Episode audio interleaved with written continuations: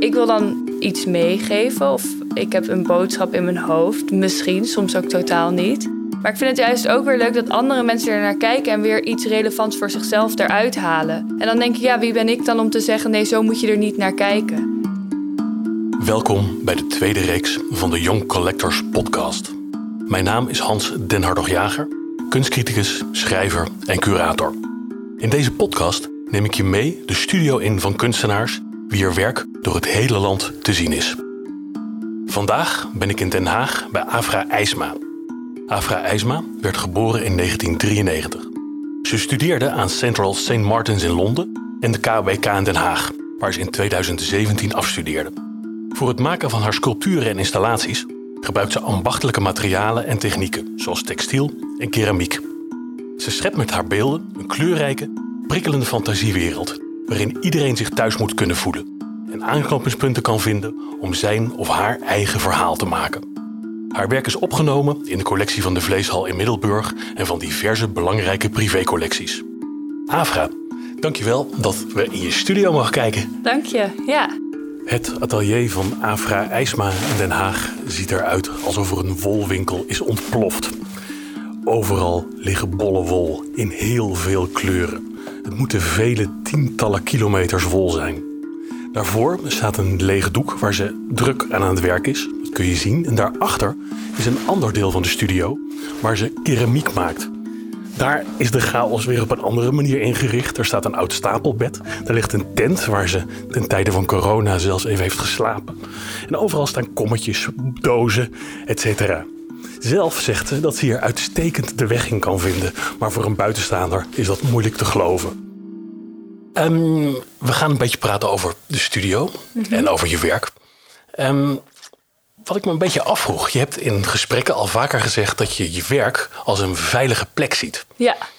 Dan dacht ik, dan moet je studio wel de allerveiligste plek zijn. Ja, dat klopt. Ja. Eh, ja, ik heb altijd. Ik denk dat ik ook de meeste tijd die ik spendeer is eigenlijk altijd in mijn studio. Ik kan soms echt maanden achter elkaar elke dag 12 uur per dag hier zitten. Uh, en ik vind dat echt heerlijk om te doen. En um, ook omdat ik eigenlijk nooit verveeld raak. Dus het is misschien ook een plek waar ik nooit verveeld ben. En dat zorgt er ook voor dat ik me daardoor altijd nou ja, fijn voel of zo. Ja. Vertel eens, als je uh, begint op een dag, je zegt je bent hier veel, maar ik je slaapt hier niet. Als je binnenkomt, hoe gaat dat dan? Um, ja, ik kom dan vaak binnen. Dan kijk ik waar ik ben gebleven de vorige avond. Soms heb ik dat ik bijvoorbeeld de keramiekoven heb aangedaan en dat ik uh, wil weten wat eruit komt. Dus dan begin ik vaak daarmee en dan kijk ik in de oven en dan zie ik: oké, wow, deze glazuren zijn goed gelukt. Dit werkte niet helemaal. Dan heb ik meteen een idee om verder te werken.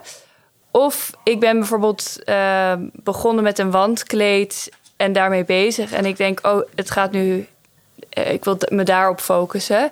Soms heb ik ook dat ik denk van oké, nee, dit, dit gaat niet goed of dit werkt niet. En dan ga ik juist met een ander medium verder. Maar eigenlijk is het heel fijn dat ik altijd die afwisseling kan maken. Dus ik wissel altijd af, voornamelijk tussen keramiek en uh, textiel. En dan textiel bedoel ik de tuftingmachine. Ja, het is een blauwkleurig pistool slash boormachine die je vasthoudt, waar je draadjes in doet, die vervolgens uh, schieten door een doek en dan weer terugkomen in een loop. Waardoor je uh, eigenlijk de klassieke tapijten zoals je die op de uh, vloer ziet, zo hoogpollig, um, dat is wat je maakt. En, het lijkt me heel heftig om daar vroeg in de ochtend mee te beginnen, bijvoorbeeld. Ja, dat is ook Je gaat niet meteen schieten, toch? Nou, soms wel. En het is ook heel fijn om al die energie eruit te halen. Want ik heb altijd heel veel energie en vooral 's ochtends. En dan drink ik eigenlijk voordat ik begin, drink ik eerst drie kopjes koffie. En dan ga ik uh, aan de slag. Ja. Zo, uh, hoe laat begin je altijd? Uh, meestal om tien uur. Dus vaak zorg ik dat ik er net voor tien ben. Zodat ik heel even koffie kan drinken, in kan settelen. En dan rond tien uur begin ik echt. Ja. Je beschrijft nu hoe je binnenkomt als je al met een werk bezig bent. Ja. Hoe begin je aan een nieuw werk? Ja, eigenlijk vaak bijvoorbeeld dan heb ik of een hele gekke droom of zo gehad. En dan denk ik, wow, hier moet ik iets mee doen. En dan, ja, soms, ik heb, heb nu sinds een half jaar gebruik ik ook waterverf en maak ik nu ook tekeningen. En daarvoor deed ik dat eigenlijk nooit. Maar nu vind ik het heel fijn om watertekeningen te maken, omdat die tekeningen ook vaak niet helemaal precies zijn, waardoor er weer nieuwe dingen ook uit kunnen komen die ik dan in eerste instantie niet bedacht had. Dus uh, vaak als ik. Uh, het is niet zo dat ik naar de studio kom met een vers idee. Meestal is dat idee al langer aanwezig in mijn hoofd. En dan slaap ik ermee, denk ik erover na, fantaseer ik erover.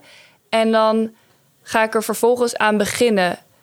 En als ik dat doe, dan haal ik eerst altijd de materialen en dan kijk ik wat er nodig is en dan ga ik aan de slag. Maar wat zijn dat voor fantasieën? Zijn dat beelden die je voor je ziet? Zijn het verhalen? Zijn het kleuren? Zijn het materialen? Kun je daar iets over vertellen? Ja, het, is, het kan echt van alles zijn. Dus soms dan bijvoorbeeld, uh, ik had op een gegeven moment vond ik het heel interessant of grappig dat als je bijvoorbeeld je maag knort, dat dat een soort van heel uh, als je in een gesprek zit en je maag knort, bijvoorbeeld bij een studiovisit, dan vind je dat ongemakkelijk. En de ander vindt dat ook ongemakkelijk. En dan zat ik zo te denken, maar waarom is dat eigenlijk ongemakkelijk? Want het is helemaal niet raar, het is het lichaam. Maar toen dacht ik, oké, dat is misschien omdat het zo intiem is om elkaars ingewanden te horen. En dan ga ik opeens met dat idee ga ik helemaal nadenken over wat, wat is die maag, wat, wat, wat is dat nog verder. En ja, dus dat zijn eigenlijk dan een soort van startpunten die, die beginnen. Uh, en dan begint opeens zo'n idee verder zich te ontwikkelen. En dan ga ik de maag proberen te tekenen. En dan wat, wat betekent die maag? En uh, wat voor kleuren heeft zo'n maag? Wat zit er in die maag? Is die maag realistisch? Ja, dus zo ontwikkelt dat.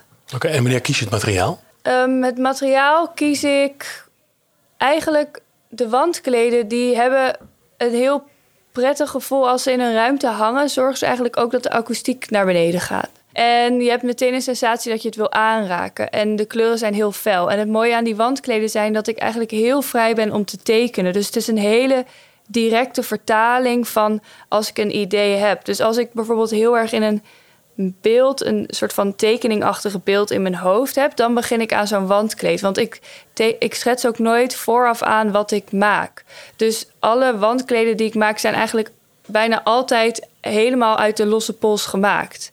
Dus dan reageer ik op de dingen die ontstaan, daar reageer ik dan weer verder op.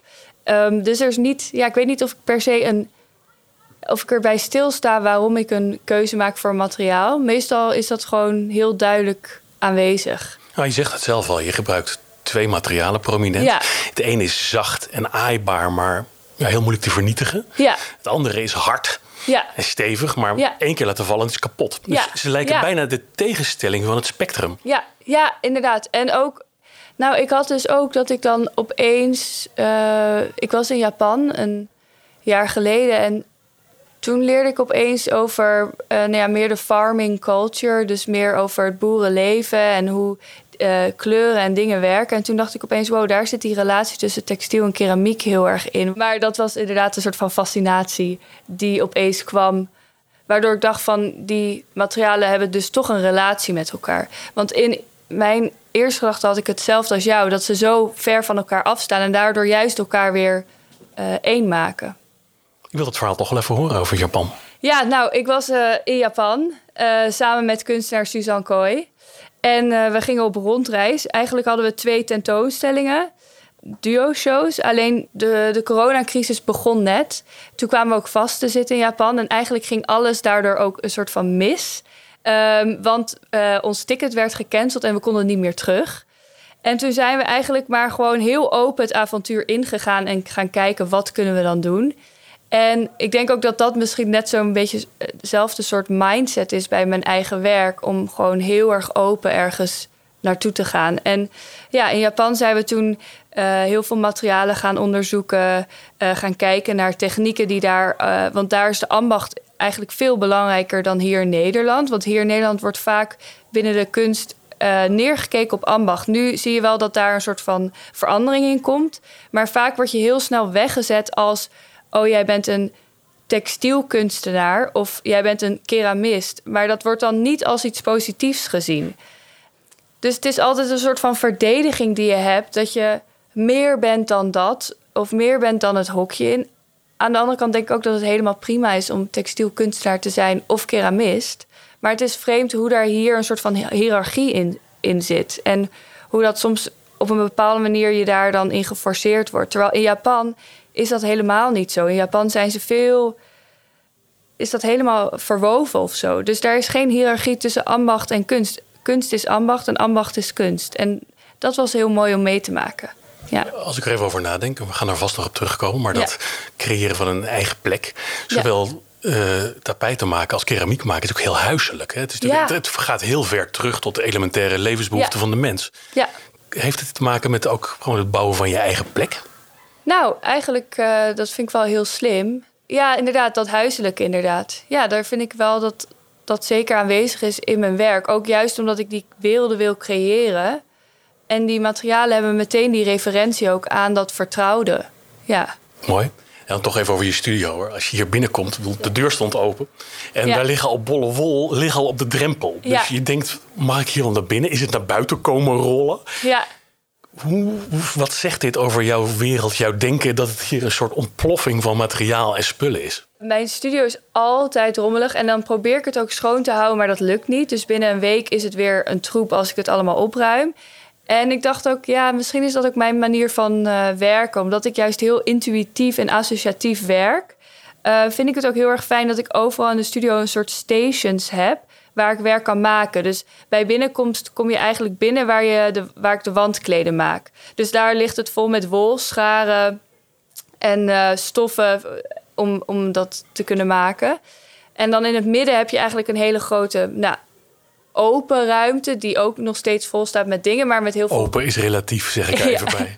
ja, open, of, ja, de open ruimte met, um, met heel veel papier en met ecoline voor papier maché en kippengaas. En dan heb ik, waar we nu aan zitten, is de keramiektafel, uh, waar ik altijd al het kleiwerk maak. En dan heb ik achterin staat een oven waar ik al mijn keramieke werken bak. En dan staan er om de hele ruimte eigenlijk heen staan er uh, kasten waar ik of het werk wat af is inzet, zodat ik het af en toe weer erbij kan pakken. Of waar ze staan te drogen, waar de keramieke werken drogen. En dan heb ik nog één plek om te schilderen. Uh, want op een gegeven moment dacht ik, oké, okay, ik wil graag schilderen. Voor de duidelijkheid, je studio zal zijn vijf bij zes ongeveer. Ja, ja, ja. Dus al die dingen, dus dat geeft wel aan hoe ja. intens het hier eigenlijk ook is. Ja, Die intensiteit vind je wel lekker, heb ik de indruk. Ja, ja, ja, ja, ik hou juist heel erg van intensiteit en van heel veel energie en heel veel prikkels. Ik denk ook dat ik zelf altijd heel snel nou ja, overprikkeld kan raken of zo. Dus ik hou juist van die sensatie, ja. Maar dat betekent dat je ervan houdt die prikkels zelf te kunnen sturen. Want ja. dit zijn jouw prikkels en wel heel erg veel. Ja, ja, ja. En in alle mooie kleuren die ik dan fijn vind om omringd door te zijn. Ja. Vertel eens even, want het is toch fascinerend, uh, over dat tuftpistool en hoe, ja. je die, hoe je die tapijten maakt. Er staat hier een heel groot raam, een houten kader, met uh, de doeken ertussen. Het is heel moeilijk voor te stellen, want het lijkt heel arbeidsintensief. Dat je dat maar heel associatief en uit de vrije hand doet. Hoe kun je daar wat over vertellen? Ja, dus Um, als je begint met het tuften, dan heb je een heel groot frame, net zoals een soort canvas van een uh, schildersdoek, wat je er overheen stretcht. En dan vervolgens heb je dus die tufting gun die die draadjes erin schiet. En um, het is heel erg arbeidsintensief, want je moet, een, ja, je moet best wel veel kracht zetten om nou, die druk tegen te gaan. En dan uh, bijvoorbeeld hier zien we een werk wat ik aan het maken ben. En je ziet daar eigenlijk een zwarte omleiding van een soort van beginsel van wat misschien lijkt op een soort boot. Nou, het is eigenlijk gewoon een zwarte tekening, maar dan, dan in draden. Ja, precies. En eigenlijk wat ik dan doe is eigenlijk net als een kleurplaat, zet ik die lijnen neer, ga ik vervolgens inkleuren. En dan als ik ergens ontevreden mee ben, want dat is natuurlijk het fantastische aan die tufting gun, kan je het draadje er weer uittrekken en dan is het doek weer egaal. Dus daardoor kan je altijd als je denkt van hé, hey, dit klopt niet of hier moet oranje in plaats van paars, dan trek je het er weer uit en dan schiet je het opnieuw erin. Maar klopt het niet dat je niet kunt zien wat je doet? Oh, dat ook. Ja, dat is ook heel raar. Ja, dat klopt. Dat lijkt me heel gek. We zien bij kunstenaars, denk je altijd, je hebt een soort directe visuele impuls. Ja. Jij staat er iets te doen waarbij je helemaal niet ziet wat je aan het doen bent. Ja, precies. Want dat is dus ook het gekke aan de tufting gun. Je werkt eigenlijk van de achterkant. En dan moet je om het frame heen lopen om de voorkant te kunnen zien. Ja. Dat is toch vreselijk? Nou, eigenlijk vind ik het daardoor juist wel interessant, omdat je altijd aan het sparren bent met de machine en daardoor ook wat minder controle hebt, waardoor ook eigenlijk die, dat vrijblijvende of dat onbevangen ook uh, meer zichtbaar is in het werk. En dat vind ik eigenlijk juist wel iets heel erg poëtisch of moois. Wat wordt dit? Uh, nou, dit was een idee voor een.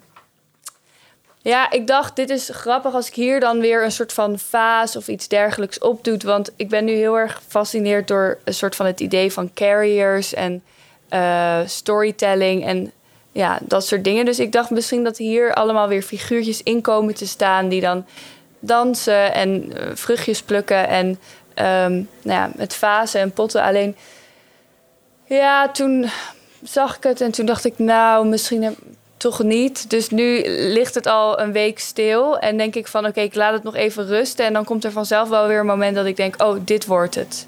Wat ik, wat ik mooi vind in jouw werk, en altijd als ik het tegenkom, fascineert me dat weer. Je lijkt je een beetje te onttrekken aan wat, wat hoort in de hedendaagse kunst. In die zin dat het niet heel conceptueel lijkt, maar ook ik krijg associaties, zeg ook niet dat je het beledigend vindt, met, met bijvoorbeeld naïeve middeleeuwse kunst. Oh ja, ja. Met, met, met, Jeroen Bos bijvoorbeeld. Ja, ja. Dat soort verhalen vertellen die niet van deze wereld zijn, maar ook niet per, bijvoorbeeld in vroege middeleeuwse kunst. Het zijn vaak stripverhalen. Hè? Dan kun je op één werk zie je verschillende tijden kunnen naast elkaar. Hè, dan dan, dan loopt Jantje daar en hetzelfde doek loopt hij een paar meter verderop. Dat is het volgende deel van het verhaal. Fantastisch, ja. Ik heb de indruk dat jij daar wel van zou houden en het eigenlijk ook wel een beetje doet. Ja, ik hou daar uh, zeker van. En um, ik vind dat ook altijd heel erg leuk om binnen mijn werk een soort van eigen taal te creëren. Dus je hebt inderdaad ook gelijk dat binnen mijn werk sommige vormen meerdere keren terugkomen.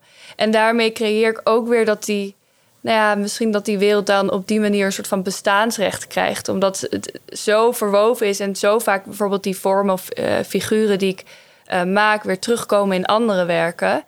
En um, ik vind het ook inderdaad heel belangrijk, want conceptuele kunst, daar ben ik dan zelf ook niet van. En ik vind dat op een bepaalde manier ook een achterhaald idee dat dat de enige manier is van kunst maken.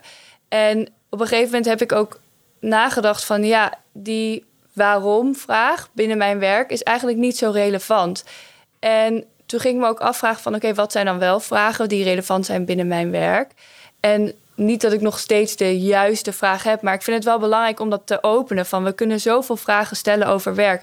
We kunnen ook vragen hoe, um, wat, hoe voelt het zich? Um, en ik denk dat dat eigenlijk wel mooi is om, om het ook een beetje open te breken. Want ja, ik denk dat lineair werken, dus van A naar B, niet de enige manier is waarop we kunst hoeven te maken.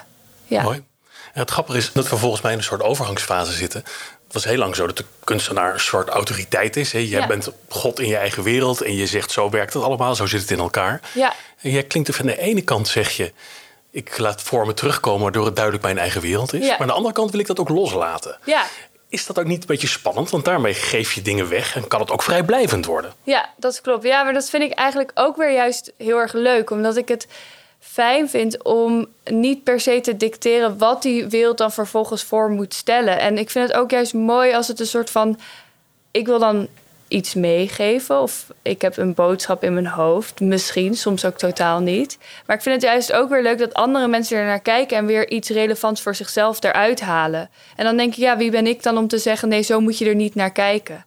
Ik vind dat eigenlijk juist iets heel erg leuks. Ja. Maar dat is best een spanning toch voor een kunstenaar. Aan de ene kant ben je een beetje de baas. Ja. Aan de andere kant wil je ook niet heel erg de baas zijn. Ja. Denk je daarover na? Laveer je daar een beetje in? Uh, ja, ik vind dat wel belangrijk. Omdat ik denk dat we ook nou ja, genereus moeten zijn naar elkaar toe. En ook, je moet de, de, de rol van de toeschouwer ook niet onderschatten. Dat vind ik ook. Weet je wel, het hoeft niet allemaal zo heel duidelijk te zijn waar het over gaat. Want de toeschouwer heeft zelf ook verbeelding. En misschien dat die werelden die ik maak ook een soort van de verbeelding aanwakkeren of zo. En dat vind ik ook wel weer heel erg uh, leuk, ja. Wat mij ook fascineert aan jou en aan je werk. Je werk presenteert zich op een bepaalde manier, maar daarbuiten ben je ook best actief, ja. activistisch. Ja, ja klopt. Um, ik vind het wel interessant om daar even over te hebben. Ook als ja. hier juist in die studio is. Dat die studio zo ja. heel erg je eigen wereld is. Hier heb je 30 vierkante meter die je helemaal op jouw manier kunt beheersen. En vervolgens reik je ook uit naar de wereld daarbuiten. Ja. En daar lijkt je toch ook wel dingen te willen veranderen, invloed te willen hebben, dingen over te willen zeggen. Ja. Hoe verhouden die twee zich tot elkaar? Hmm, nou, ik denk dat bijvoorbeeld mijn, mijn wereld of zo die ik in de studio maak, is heel erg een soort van ruimte waarbij ik me fijn voel. En ook op een bepaalde manier hoop ik altijd dat mijn werk een soort van wereld is waar mensen naar binnen kunnen stappen en waar ze zich waar ze het gevoel bij krijgen dat ze er ook bij horen, waarbij het inclusief is. En ik denk juist omdat er nu zo vaak, eigenlijk al in de hele mensheidsgeschiedenis, uh, maar zoveel exclusie gebeurt, vind ik het heel erg belangrijk om met mijn, de werelden die ik maak, dat dat juist heel erg inclusief is en dat mensen zich daar welkom in voelen en prettig in voelen. En ik denk ook, ja, ik separeer altijd die, um, mijn activisme met mijn kunst, omdat ik vind dat. Uh, dat ligt ook aan omdat ik misschien niet de juiste manier binnen mijn kunst dan heb gevonden om dat wel te doen. Maar ik vind het altijd belangrijk dat je als kunstenaar heel erg goed afvraagt van oké, wat is mm, het debat van waar ik voor strijd om dat binnen mijn kunst te doen? Hoeveel baat heb ik daarbij als kunstenaar en hoeveel baat heeft die zaak daarbij? En eigenlijk denk ik dat je soms, of in ieder geval in mijn geval, denk ik dat ik meer voor elkaar kan krijgen als ik dat buiten mijn kunst omdoe. Omdat kunst natuurlijk ook weer in bepaalde kringen juist worden gezien en niet in andere. Um, dus dan kijk ik op andere manieren hoe ik uh, kan bijdragen ja, aan een betere wereld. Dan ben ik toch nieuwsgierig. Ja. Wil je in het kader van een dergelijke podcast die over je kunstenaarschap, wil je dan toch over je activisme praten of wil je dat uit elkaar houden? Um, nou, eigenlijk vind ik het ook nooit zo erg om het juist daarover te hebben. Want ik denk dat ik als kunstenaar dan weer wel uh, activistisch ben. Maar misschien mijn kunst zelf dan niet. Dat leg maar eens uit. Ja, nou ja, ik denk dat je bijvoorbeeld net zoals kunstenaar, soms heb ik het idee dat ik als kunstenaar een conceptuele kunstenaar kan zijn, terwijl mijn werk dat dan niet is. Dus ik lees heel veel, ik uh, praat heel veel met mensen of ik doe heel veel activistisch werk of et cetera. En dat draagt ook allemaal bij in mijn zijn als kunstenaar, maar dat hoeft niet uitgedragen te worden in wat ik maak als kunst. Kun je je voorstellen dat dat ook wel, wel een beetje gek is? Waarom, zou, waarom zou je niet all the way gaan? En ook juist met die kunst waar je misschien wel het meest invloedrijk mee bent en het krachtigst en waar je de krachtigste expressie mee hebt, daarmee juist ook gebruiken om de wereld nog mooier en beter te maken. Ik denk dat het daarmee ook gaat om dat kunst alsnog altijd dus ja, vastzit in een bepaalde cirkels. En dat ik denk van ja, is dat waar we de verandering moeten plaatsvinden? Of is er, zijn er andere dingen waarbij we dat concreter kunnen doen? Ik vind het bijvoorbeeld heel belangrijk, um, bijvoorbeeld de positie van de vrouw binnen de beeldende kunst. En ook nog steeds zie je dat gewoon keer op keer misgaan, machtsmisbruik, al die dingen. En dat is ook iets wat me gewoon persoonlijk heel erg aangaat. En waarbij ik ook zie dat eigenlijk dat ook systematisch gebeurt. En um, ik denk als losse kunstenaar, om dat binnen je werk dan ook hard te maken, is bijna onmogelijk. Want mensen kunnen dan gewoon zeggen: Oké, nou hier luisteren we niet naar. Maar als je dat op een andere manier doet, waarbij het een collectief, ja, collective effort is, waarbij je dat collectief dus samen doet, dan sta je veel sterker.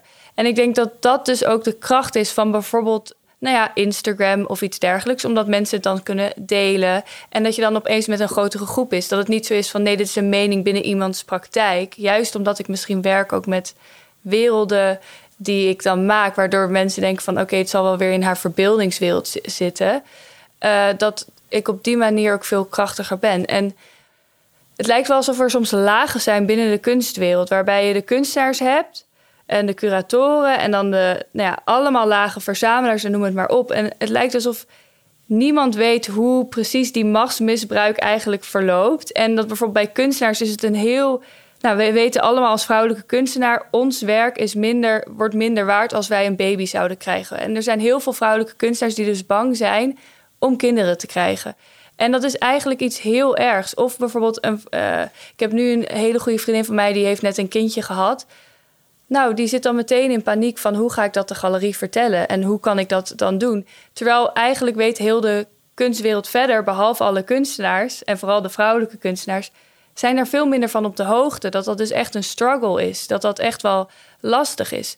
En ik denk dat dat ook die kwetsbare positie is. Of dat nou ja, een ondervertegenwoordiging van vrouwen in de kunst. En als je dan iets zegt van hé, hey, er zijn hier te weinig vrouwelijke uh, kunstenaars of uh, te weinig kunstenaars van kleur die uh, gerepresenteerd worden, dan is het meteen van oh, jij feminist of dit en dat. Ja, dat vind ik ook altijd zo lastig. Ja, dus je wordt altijd een soort van gecornerd. Of dat is jouw generatie.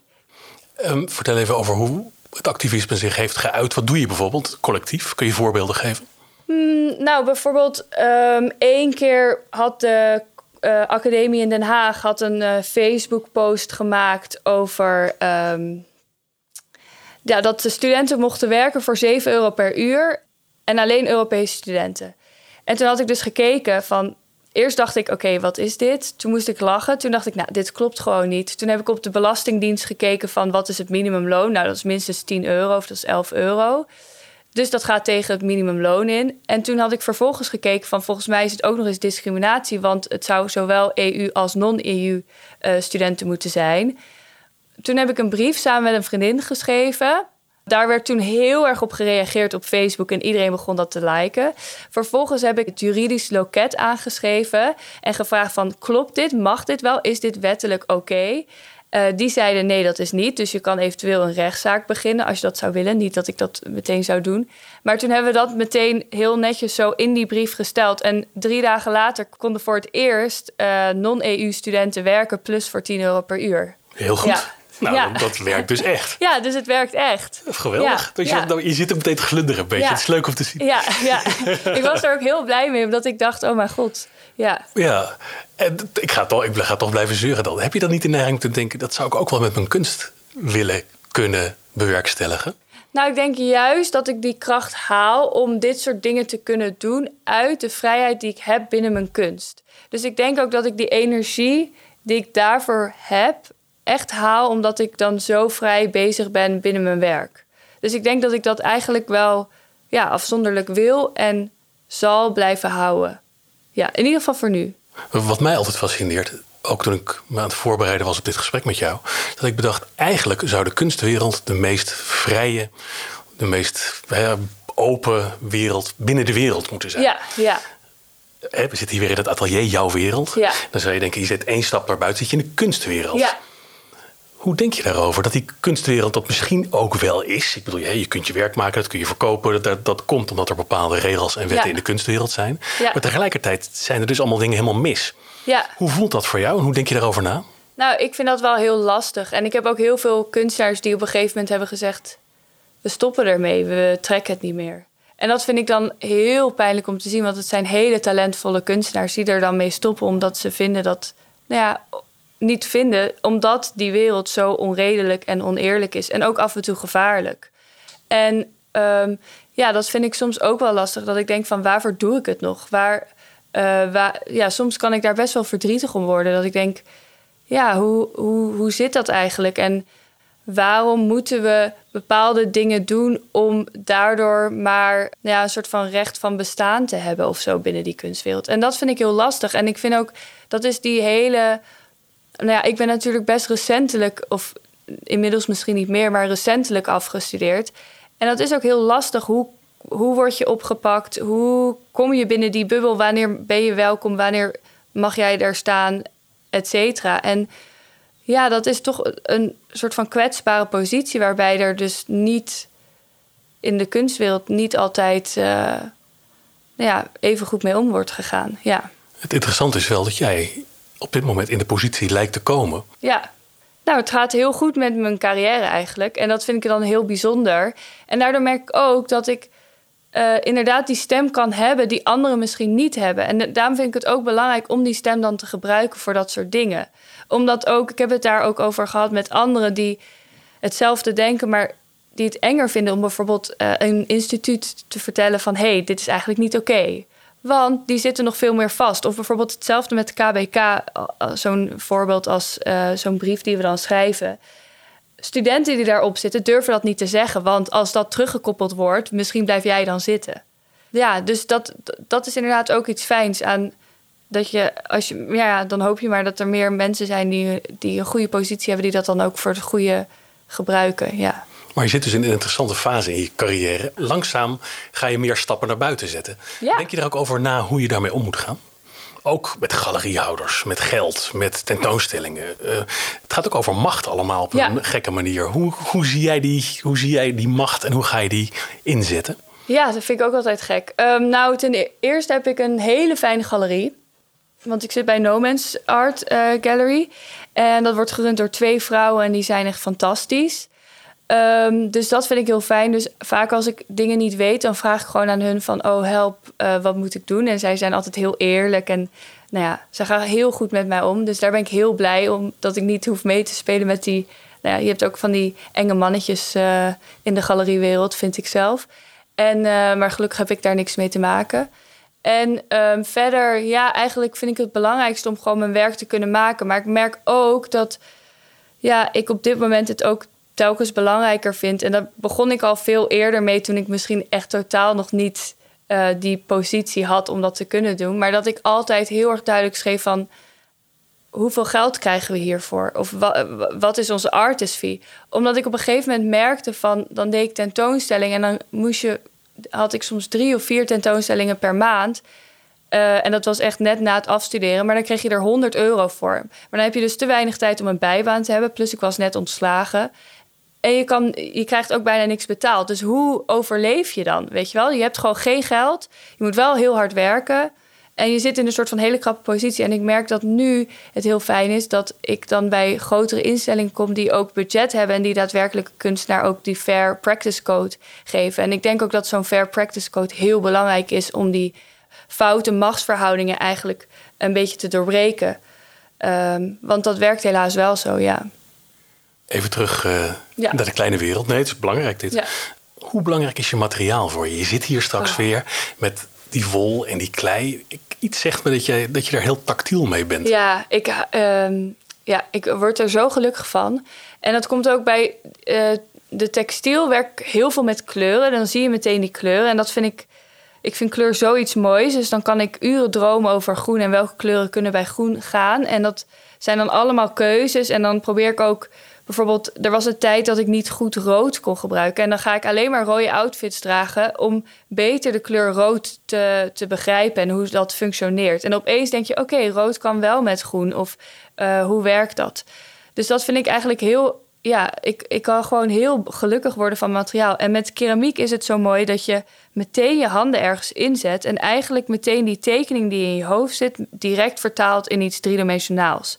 En ik laat ook altijd een soort van.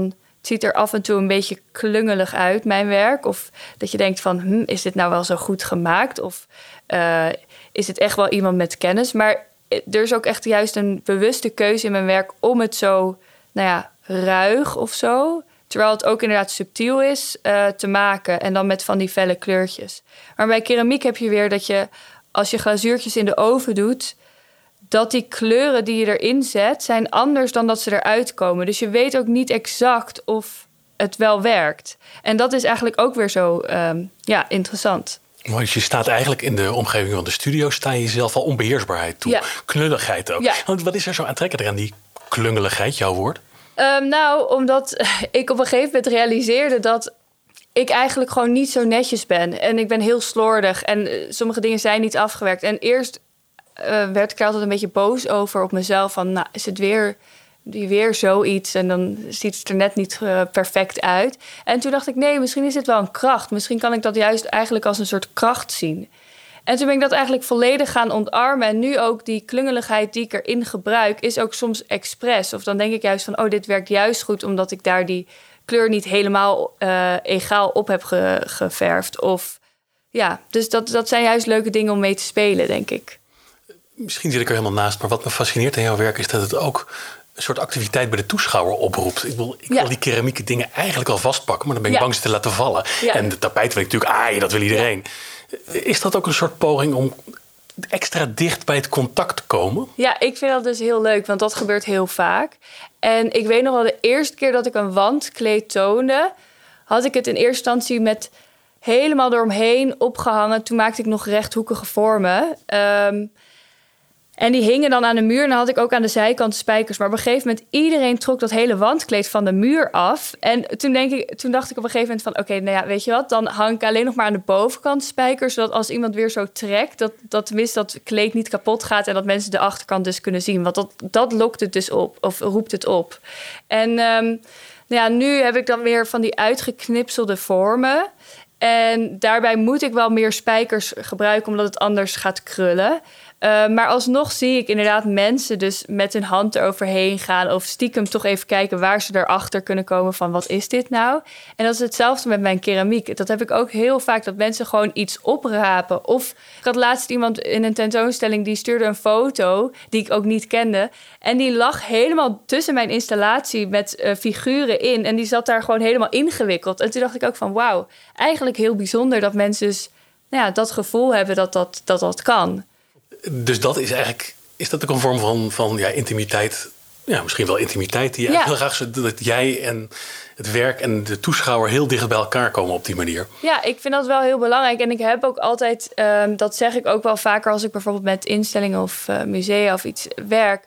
Van we kunnen er toch niet afhouden dat mensen er volledig niet aankomen. Dus als het gebeurt, kijk, natuurlijk is het niet fijn als iemand er echt aan gaat trekken of zo. Maar als iemand zoiets heeft van, nou, ik wil dit toch heel even voelen, dan denk ik ook van, ja, dat is toch ook eigenlijk iets heel moois. Zou het onderdeel van je werk kunnen worden? Ik moet even denken aan het werk van Bruce Nauman. Die carousel met die dieren en die pop oh, eraan. Die, over de, die hoort over de vloer te schrijven. En, en, langzaam zichzelf op te eten. Ja. Ik heb dat altijd heel mooi gevonden. En nu is het dus verboden. Ze hebben ze zo hoog opgetild dat dat slepen niet meer kan. Dus oh, ja. Dat haalt een, maar bij jou zou je dus kunnen denken... Ja. laat die mensen er maar er volledig induiken en het opmaken. Ja. zou je dat leuk vinden of interessant? Dat, dat, zou ik eigenlijk ook wel heel erg leuk vinden. Ik denk ook dat Bruce Nauman dat waarschijnlijk zelf ook uh, had gewild.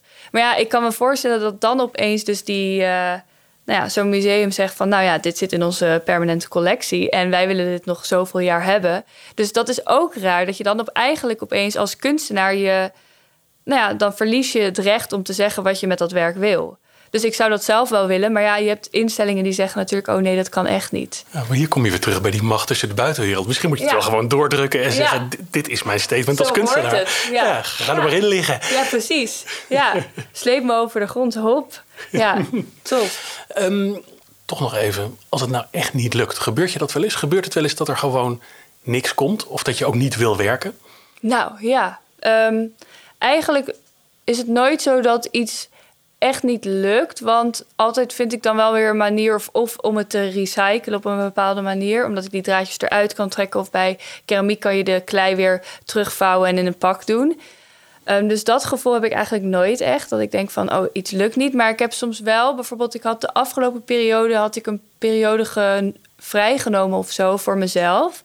En dat ik gewoon merkte van, oké, ik ben heel even niet moe, maar ik wil gewoon een uh, periode ook van reflectie. En vaak ga ik ook wel één keer per jaar, vaak voor langere perioden, dan uh, stop ik even. Of dan ga ik op reis, of dan ben ik even weg. En dat is dan ook een periode van reflectie. En dat vind ik ook belangrijk, omdat ik eigenlijk, wanneer ik dus periodes heb dat ik werk, neem ik ook nooit weekend. Dus dan is het ook echt aan één lopend van in de studio werken en dan wakker worden en weer in de studio werken. Dus in dat soort periodes vind ik het ook heel erg belangrijk om te zeggen van oké, nou nu heb ik er, nu wil ik even niet. Uh, dan ga ik gewoon, dan hoeft het ook niet. Ja. Maar soms is het ook frustrerend. En ik merkte ook dat ik dus een uh, maand niet had gewerkt. En toen kwam ik terug in de studio en toen dacht ik ook, oh, ik ben zo blij om terug te gaan. Want soms weet ik ook niet wat ik moet doen met mijn leven als ik uh, dus niet in de studio ben. Dat is best dramatisch. Ja, ja. Ja, maar dan denk ik echt van, oh, dat, ja, had ik een heel dom spelletje op mijn iPhone gedownload met balletjes, dat je zo aan elkaar kon swipen. En dan zat ik opeens in level 200. En toen dacht ik, oké, dit komt gewoon puur omdat ik de afgelopen maand niet in mijn studio ben geweest en niet weet wat ik met mijn tijd moet doen. Ja. Dus eigenlijk is studio, maar ook het maken van kunst, een vorm van overleven. Ja, ja, ja zeker. En ook, uh, het maakt me ook heel erg gelukkig. Ik vind het het allerleukste wat er bestaat. Ik ga altijd met zoveel plezier en uh, ja, liefde naar de studio. Dus voor mij is het ook niet werk in dat opzicht. Het is uh, avond. Ja. En um, je hebt toch maar besloten te stoppen. Ja. Hoe is dat dan? Wat, welk moment besluit je dat je naar huis gaat? Als mijn ogen dichtvallen. Als ik denk, oh my god, ik ben te moe. Of als ik merk dat ik bijvoorbeeld ook omdat de tufting gun is, kan ook gevaarlijk zijn. En als ik denk van, ik ben nu niet meer scherp dan uh, denk ik, oké, ik moet nu gewoon naar huis. Ik ga morgen verder. En meestal is dat rond 12 uur, soms 1 uur. En dan ben ik gewoon heel moe. En dan zet ik nog vaak snel de oven aan en dan ga ik weg. Prachtig, ja. dankjewel. Ja, dankjewel. Dankjewel Afra voor deze inkijk in je studio en in je praktijk. Veel dank ook aan jullie, onze luisteraars, en aan onze editors van de studio. Het werk van Afra IJsma is tot en met 31 oktober 2021 te zien in het Fries Museum in Leeuwarden. Deze podcast is een onderdeel van Young Collectors Circle, al sinds 2016 de leukste manier om de kunstwereld te ontdekken. Wil je meer weten? Ga dan naar youngcollectorscircle.nl/slash podcast. Daar vind je ook informatie over deze aflevering en de kunstwerken die we bespraken. Wil je geen aflevering missen? Abonneer je dan via jouw podcast provider. Wil je ons helpen om deze podcast onder de aandacht te brengen bij zoveel mogelijk mensen? Laat dan een recensie achter. Heel veel dank.